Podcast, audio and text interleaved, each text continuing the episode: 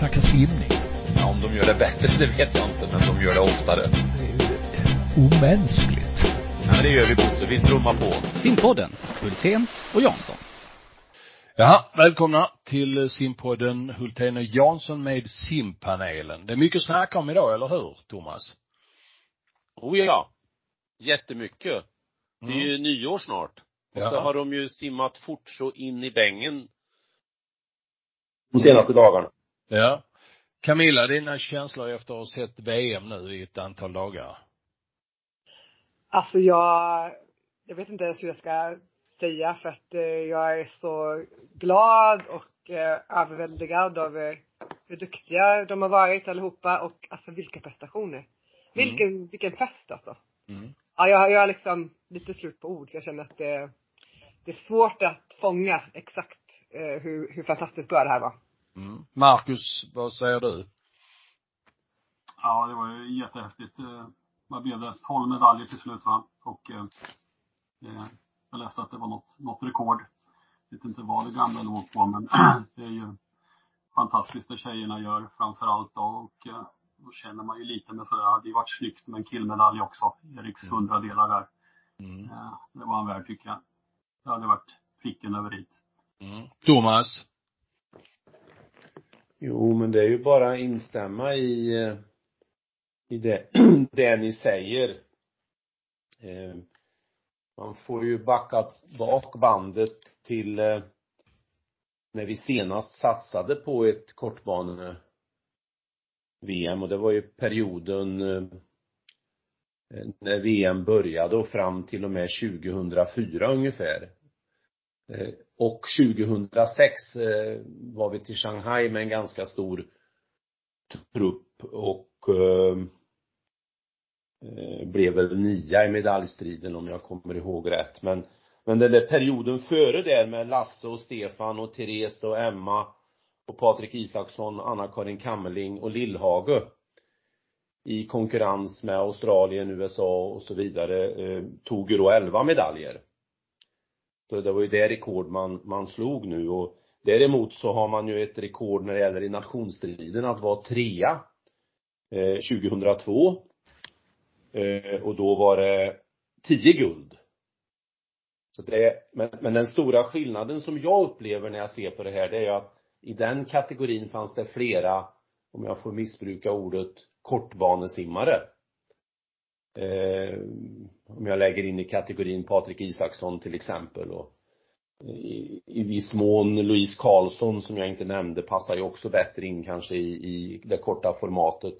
Medan eh, med, med flera, Anna-Karin Kammerling var ju också en sån variant eh, kan man väl säga att det, det så i den meningen så skiljer sig ju den här truppen ut att det är väl egentligen bara kanske Anna, Hanna Rosvall som är betydligt mer åt kortbanehållet än de andra simmarna utan det är en hel del plusvarianter att simma i långbana. Mm. Så lägger man in den, den eh, parametern på VM så känns det ju som ett dukat bord till Martina Aronsson att ta över. Men sen är det ju lite mer komplext än så för om man börjar titta på eh, vilka simmare som var där, vilka simmare som saknas, hur exempelvis att Australien kom med en simmare och eh, ja, lite så. Ja, det var ju ett antal som saknas, men så har det ju varit historiskt också. Så hur man än vrider och vänder så kommer man ju fram till att det var gyllene prestationer och det är klart, Louise ryggsim är ju det som skiljer ut sig stort från sommaren. Om man är, om man är lite elak när man analyserar och tittar och försöker att som jämföra lång och kort bana så skulle man ju kunna säga att de andra resultaten var nära väntat. Kanske inte 1.03.50 på Sovi, men i alla fall 1.04.0 om man jämför med vad hon gjorde på långbana i somras. Så att en, en, eh, en betraktelse så eh, kan man då säga att ja, det här ser ju otroligt spännande ut framöver. Mm. Utan tvekan är det så. Det var fantastiskt genomslag. Men eh, vad jag tyckte framförallt var det eh, som imponerade på mig, det var att eh, alla simmade i princip fort va. Emily Fast, svenska juniorrekord, väldigt nära eh, VM-final, var i VM-semifinal och så vidare. Så att alla liksom gjorde sitt livs bästa mer eller mindre, Junevik eh, och så vidare och så vidare. Så att eh, en skön känsla av det. Det är synd att det inte bara en fem, sex simmar mer eh, i truppen och kanske eh, ett gäng grabbar. En Isak Eliasson hade inte gjort bort sig här till exempel. Det är jag helt övertygad om. Så att, ja, det är lite synd och att Viktor inte var med och sådär. Jaha, eh, Men samtidigt skulle man kunna säga att det är då Ulrika Sandmark och även Dennis pekade på en podd med oss varför man har de här hårda kvaltiderna och ska ha små trupper var att man vill inte ha några som kommer långt ner i resultatlistorna utan eh, ha sådana som kan prestera för att få det här drivet i truppen och då skulle man ju kunna säga, trots att jag då inte delade den uppfattningen, att i viss mån så är ju det här i alla fall inget, det säger ju inte emot den teorin nej. Sen å andra sidan sett hade Isak Eliasson varit i semifinal på 100 fritt. Eh, om man tittar efter tider senaste perioden. Så att eh, Ja, det, det ja, ja, fast då, då ska vi ju plocka in hela världseliten. Då blir Ja. det ju helt andra resultatlistor. Så att Ja, det är ett svårt resonemang. de som var där, det är de som tävlar. Ja. Ja. Och då menar jag att en sån som Isak Eliasson hade haft plats där. Ja. Eh, Jag, jag, jag tycker att det var lite för snålt i kamperna där. Ja det, tyck, det tycker jag också. Så att, eh, men, men eh, ja, det beror på hur kaxig och tuff man ska vara liksom i sitt sätt att vara i uttagningarna. Och, mm. Ja, men jag tyckte ändå det fanns en, en liten scenförändring här, lite, eh, det fanns några intentioner om att våga eh, satsa i lagkapparna på ett lite annorlunda sätt. Uppläggen och taktiken i lagkapparna var, var någonting annat som jag inte har sett innan. Till exempel eh, fyra 4 gånger 50 fritt var det, nej 4 gånger 100 fritt damer där, där man alltså eh, kör mer eller mindre sådana här ryska öppningar och eh, brakar på från början och ger lagen de chanserna och det, det, det gillar jag. Jag tyckte intentionerna fanns där. Och sen tyckte jag också det eh, var gött att se att man eh, eh, vågade köra försökslagen på ett eh, snyggt och säkert sätt.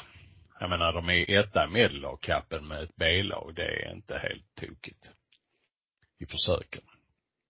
Om jag nu kallar det B-lag, det ska jag inte göra riktigt men. Ja, det, det var mycket smått och gott som var bra. Har vi mer att säga om VM? Vad säger du Camilla?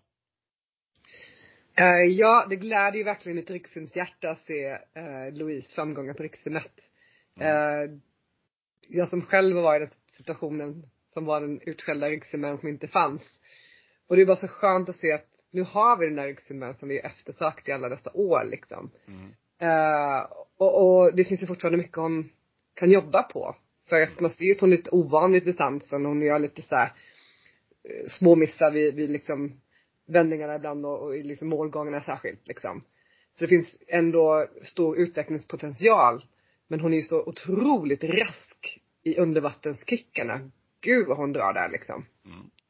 Hon är Eh, atle- riktigt atletisk där tycker jag. Ja, ja. Verkligen en idrottstjej när hon är under vattnet. Det, det känns verkligen så. Ja, och så känns det som att hon har kommit väldigt långt i sin mentala utveckling. För att vi såg ju alla liksom den kla- genomklappningen hon hade på, på EM. Där hon ledde försöken, ledde semifinalen och sen så gick det sig inte alls på finalen liksom. Eh, att hon ändå jobbar sig igenom det och har kommit ut på andra sidan och har en liksom en vinnarmentalitet liksom. Mm. Nu köttar hon ju hela vägen Mm. i mål och hon viker inte ner sig en tum. Någonstans. Och det är ju otroligt häftigt att se. Mm. Tror, tror du Camilla att hon eh, klarar långbana på det sätt som hon simmar ryggsim? Ja, hon har fantastiskt vackert ryggsim. Så det var det som var lite slående också, att hon simmar ju väldigt snabbt. Det är inte bara undervattensskicken undervattenskicken som hon lever på, utan själva simningen är väldigt vacker och fin. Um, sen är det som sagt lite detaljer att, att, att slipa på liksom, kanske lite högre fart in i, i vändningar och eh, avslutningen liksom, sista metrarna in mot mål. Men det, det kommer ju med vana. Alltså det är ju så lite grejer liksom så här. Eh, nu, nu petar man ju i något som var väldigt, väldigt bra liksom ändå. Eh, och jag tror också att den, någon tog upp det under sändningen att i och med att det här är ny distans för henne så har hon inte hunnit utveckla den här respekten för sina medtävlande som man kanske har med sig i en gren som man har tävlat i väldigt mycket. För då har man såhär typ, ja det, det är Maggie McNeil som är bredvid mig och jag vet att hon är jättesnabb och det, det blir kanske lite mental blockering. Medan på ryggsummet, där finns det liksom inga spärrar för hon har inte kört mot dem så hon har ingen aning. Och det, hon simmar ju väldigt respektlöst. Hon bara körde på liksom. Mm. Mm. Eh, så där tror jag att eh, det, det är jättepositivt. Det är bra. Mm. Marcus, dina reflektioner efter ett varv här? Ja, om vi, om vi stannar kvar vid Louise. Eh, jag hörde tyvärr inte den intervjun själv utan fick den berättad för, för mig. Louise berättar att hon i England har, har gått ner i antalet simpass. Eh, om det var från åtta till fyra. Ni nickar, eh, hon berättade det. Och eh, jag vill bara eh, ja, sträcka upp ett, ett varningsfinger där så att inte tolkningen i Sim-Sverige bland tränare och unga aktiva eh, tolkar det som att fyra pass är bättre än åtta utan att man ser helheten här att ja, ekvationen gör åtta pass över tid. Eh, då kan det finnas en jätteeffekt att gå ner och jobba kvalitet eh, den dagen du blir, blir senior. Eh, så att man, man, man hör hela resonemanget är att åtta pass över tid kan sen bli fyra. Mer kvalitet, mer styrka. Eh, så det, det, det, det, är en reflektion jag har att eh, absolut, de här, de här tjejerna de har ju de har ju gjort jobbet. De har ju varit soldater mer eller mindre under hela sina juniorkarriärer upp i, i seniorålder. Och eh, det är nu de kan, kan börja laborera lite grann så att vi inte börjar med det för tidigt i svensk simning och ja, håller på med det med, med 13, 14, 15-åringar. Mm. Camilla? Ja, jag, jag håller med dig Marcus. Jag tycker att eh, det de här tjejerna visar det är ju vikten av att lägga en ordentlig aerobisk bas eh, i, i liksom rätt ålder. Eh, att man måste faktiskt träna hårt när man är ung och bygga den aerobiska basen. För annars har man ingenting att eh, bygga snabbhet och styrka på sen när man blir senior. Eh, och det är jätteviktigt att man förstår det. Eh, att man inte kör den här träningen just för typ sumsimmer eller så. För att visst, du kan få lite snabbt resultat. Men du toppar också väldigt tidigt.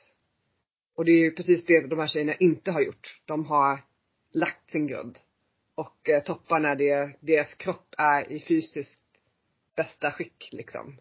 I rätt ålder. Eh, de har fått rätt muskelmassa och, och, och benstyrka och sånt liksom. Mm.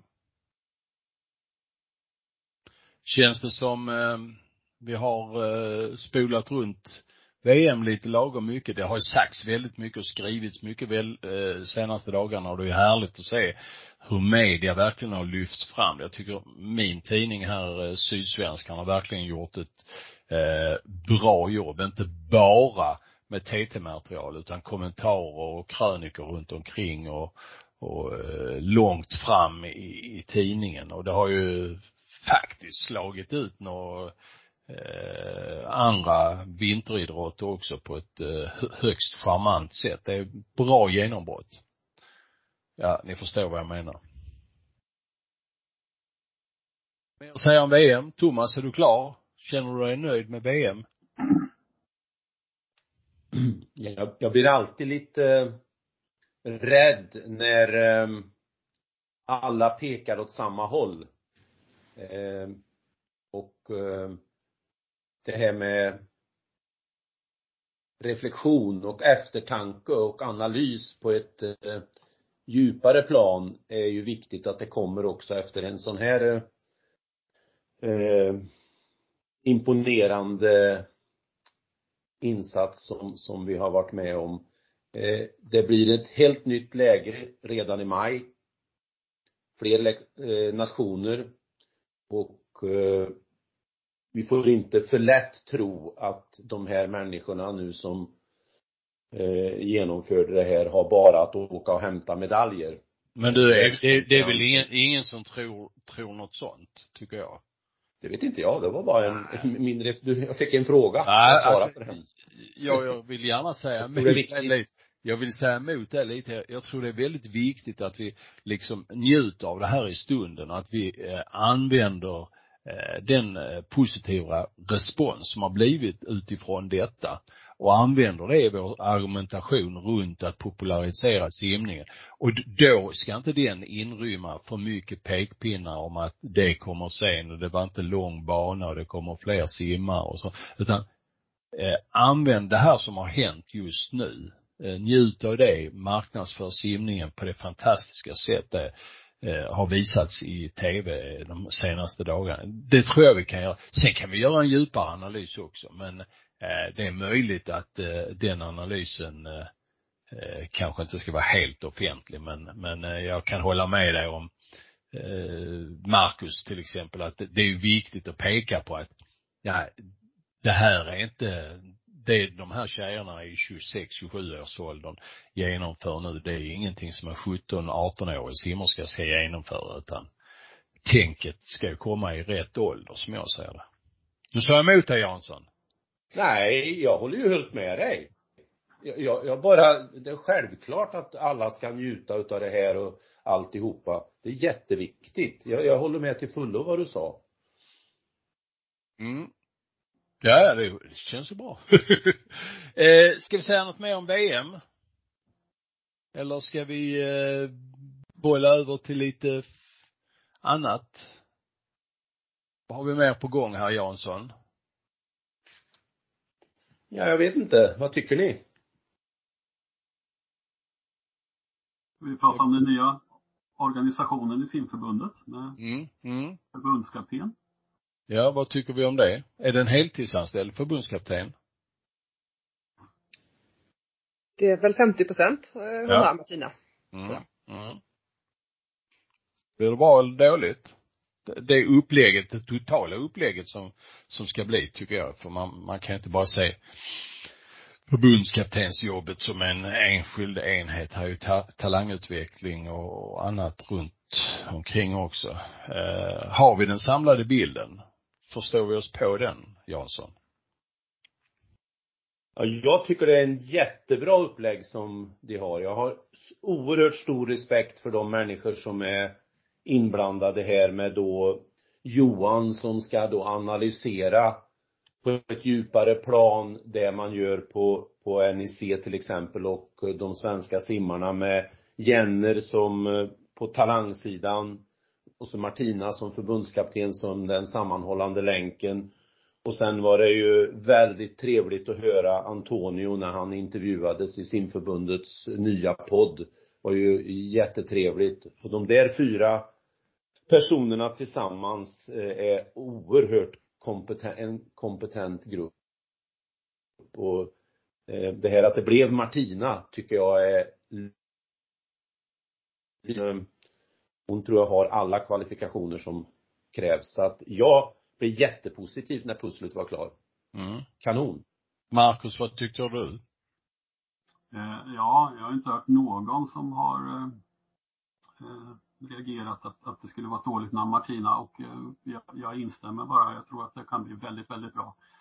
Och eh, hela det här eh, teamet är ju, precis som Thomas säger, det är ju kompetenta människor och jag hoppas att de också kan, kan lira ihop. För det, det är ju nyckeln. Och att uppifrån också att de får ett tydligt uppdrag. Eh, vart är vi på väg och vart vill svensk simning, svensk elitsimning i det här fallet. Eh, så uppdraget måste vara tydligt så att Mm. rätt personer gör rätt saker. Mm. Camilla?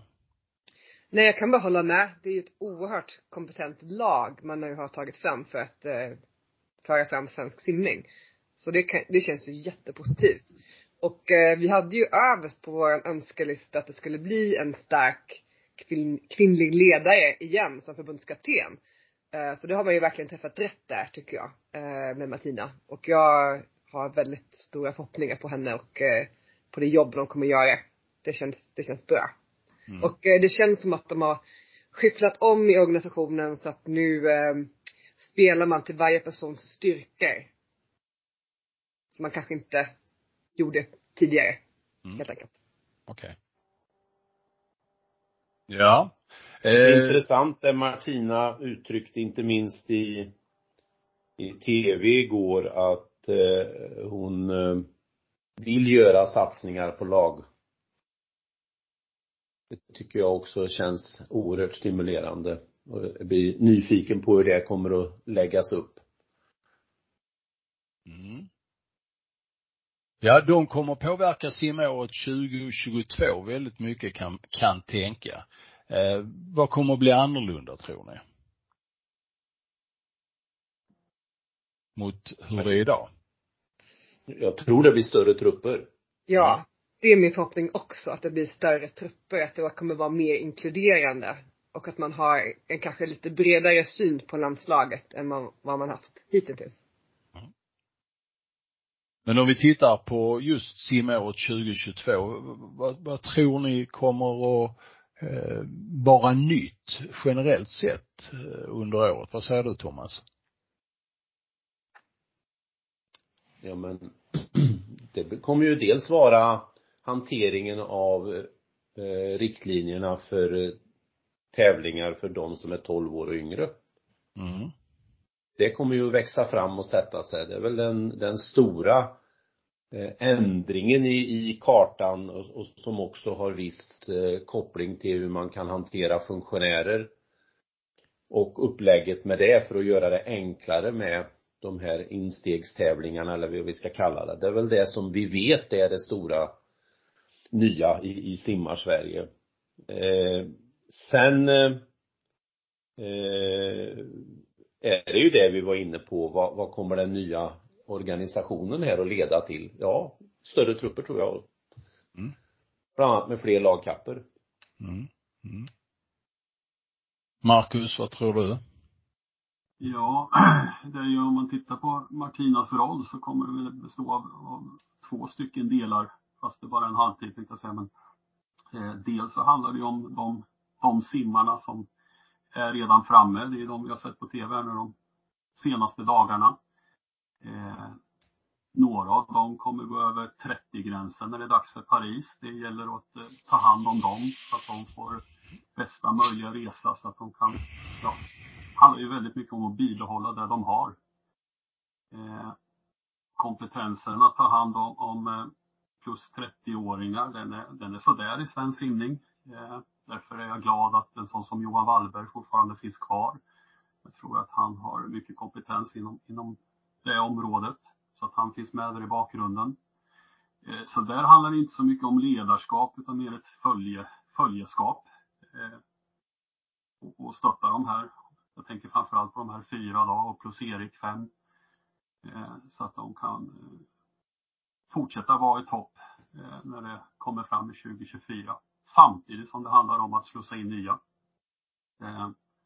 Och det betyder att vi kommer ha ett landslag där åldersspridningen är, är över 10 år, kanske 12-13 år till och med. Eh, så det är ju en ny resa som ska göras där. Eh, och det är ju någonting Martina får göra då framförallt med, med Karl. Som jag tänker ska vara ungdomsjunior. Ja, jag minns inte vad rollen hette, men eh, någon utvecklingsansvarig där. Så där skulle jag vilja se en, en, en ny, en ny satsning underifrån. Eh, och det är framförallt de simmarna då som ska fylla ut de här trupperna, tänker jag. Lovande juniorer. Mm. Då så. Eh, har vi kommit en bra bit in i, i det här tugget och snacket och det är väl nästan så att vi eh, ska summera 2021. Känns det så att eh, det finns anledning att, få ihop tankarna utifrån det här året? Eh, från er allihopa. Jag jag skulle först vilja lägga till en, en sak kopplat till då 2022 och kopplat till att det blev en, en några blixtrar med eh, media eh, i de här dagarna att eh, det arbetet att fortsätta och se till på alla nivåer att simningen får den det utrymme den förtjänar i den konkurrenssituation som simningen leder, lever i.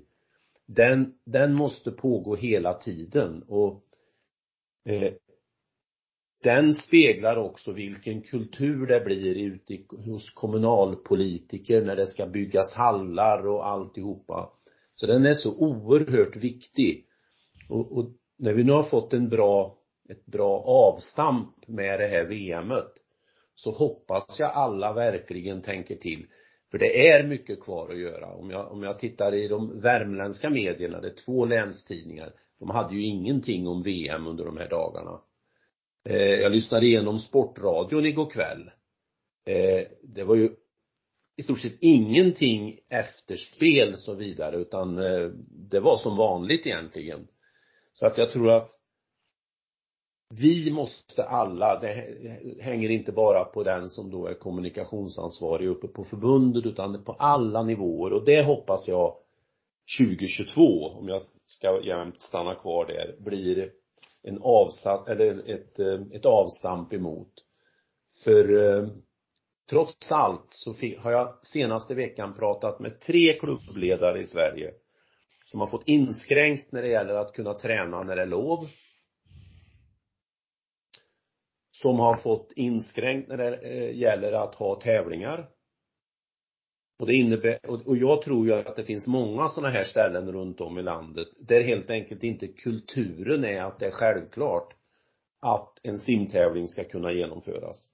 Eller att man ska kunna träna eh, på loven. Så att eh, det hoppas jag att alla verkligen eh, jobbar proaktivt med. Mm. Camilla?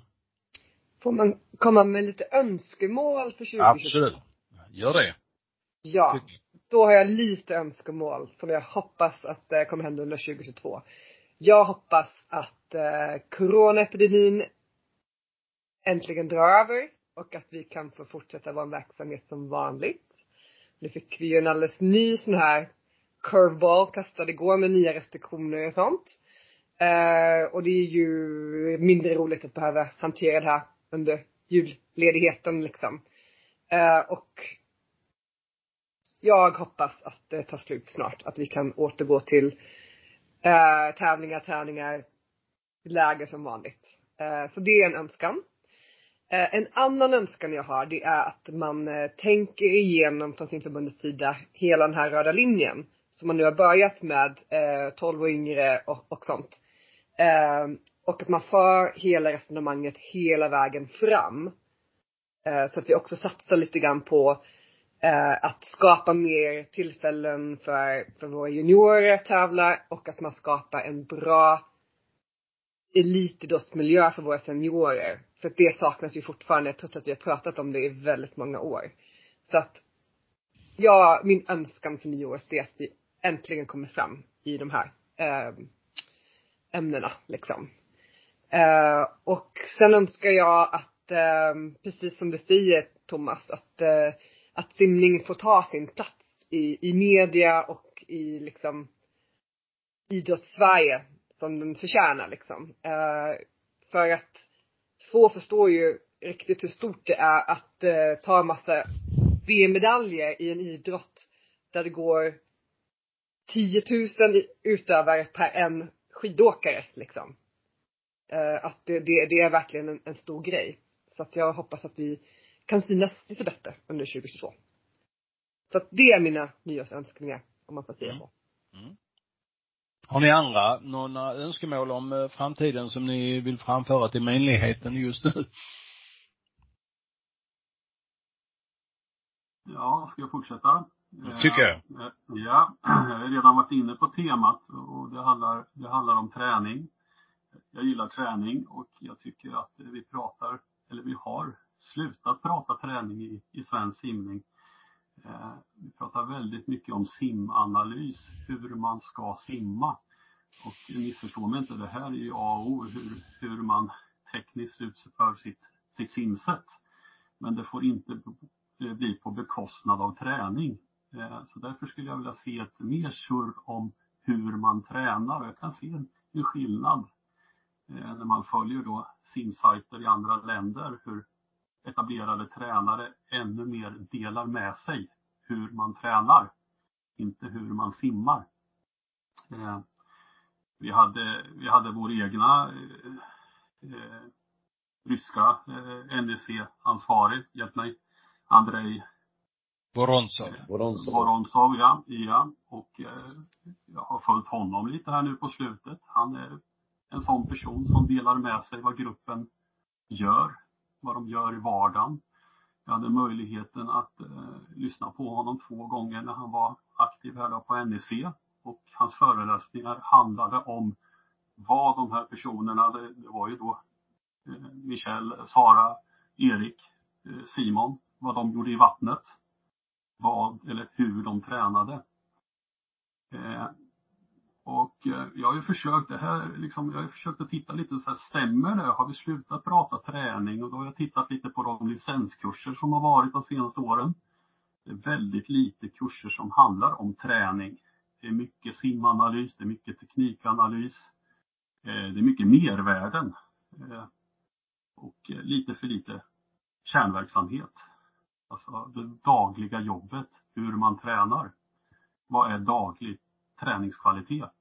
Och så kan man ju bryta ner det till alla de här åldrarna. Barnidrott, ungdomsidrott, junior, senior, öppet vatten. Då har du fem licenskurser. Hur tränar man? Thomas, vill du rycka in? Nej, men det tycker jag är jättespännande. Jag har faktiskt inte reflekterat så, men när du, nu, när du nämner det nu så känns det ju precis som du säger att eh, det, det är inte det man träffar på lika ofta om man skulle backa bandet lite grann. Så att eh, det är väl en bra flaggning som ni gör. Mm. Och då, och då tror jag framför allt att vi, vi, vi har en stor utmaning, precis som alla andra. Hur tar man sig igenom det här okända hålet, puberteten? Hur, hur tränar man sig igenom innan, under och efter puberteten för att få fart ut? Eh, för vi ska inte klara, klaga på, vi är ingen idrott som ska klaga, klaga på dålig rekrytering. Eh, Camilla berättade här innan vi drog igång sändningen här att eh, sim, simskoleplatserna uppe i Umeå tog slut på 30 sekunder. Eh, det är ju samma drag som, som till rockkonserter. Så det är liksom underlaget har vi inga problem med. Eh, talanger, saknas det talanger som vill börja i börja simma? Jag tror inte det heller. Går man in och tittar på eh, åldrarna innan sumsin, eller vad säger jag, innan puberteten, eh, så matchar vi år efter år de bästa simmarna. Eh, om vi tar grabbsidan då, det är lite tunt just nu då, så har vi år efter år 13-14-åriga grabbar som absolut matchar Erik vad han gjorde då. Vi har medleysimmare som är långt före vad Simon gjorde i samma ålder och så vidare. Så det saknas varken eh, Eh, ja, rekrytering eller talanger. Vi ska bara lösa den där gåtan. Hur får vi igenom så många som möjligt med fart genom, genom puberteten och ut i seniorverksamheten.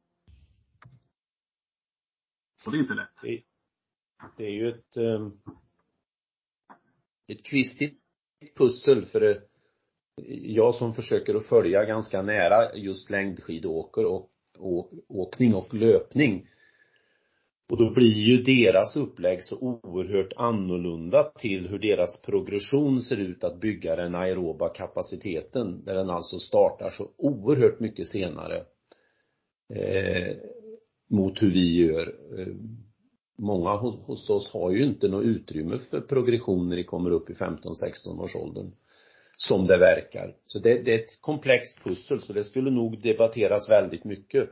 Sen är ju känslan att eh, Tittar man på det vi presterar på de längre distanserna så finns det en koppling till hur klubbarbetet ser ut nu mot hur klubbarbetet såg ut, alltså hur prioriteringarna var. det är inte så mycket prioritering på att bli eh, 4, 8 och 1500 meter simmare runt om i klubbarna.